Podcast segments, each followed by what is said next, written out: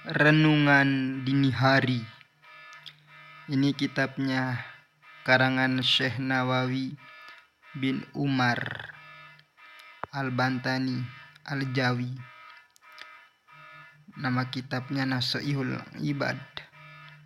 Nasihat-nasihat bagi para hamba. Ini kata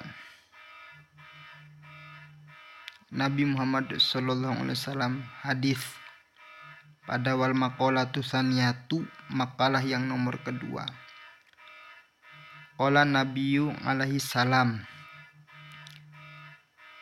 Nabi Sallallahu Alaihi Wasallam bersabda Alaikum bimujalasatil ulama'i Haruslah atau mesti kepada kalian bimujalasatil ulama'i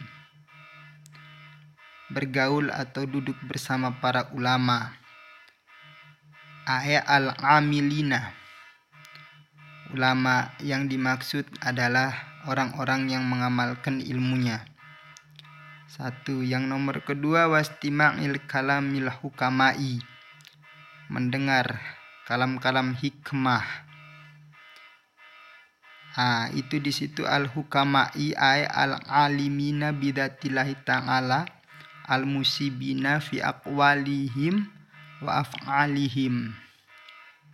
Yang dimaksud dengan hukama itu adalah orang-orang berilmu atau orang-orang alim bidatillahi ta'ala dengan zat Allah ta'ala yang al-musibina fi aqwalihim wa af'alihim antara perkataan dan perbuatannya akur atau relevan.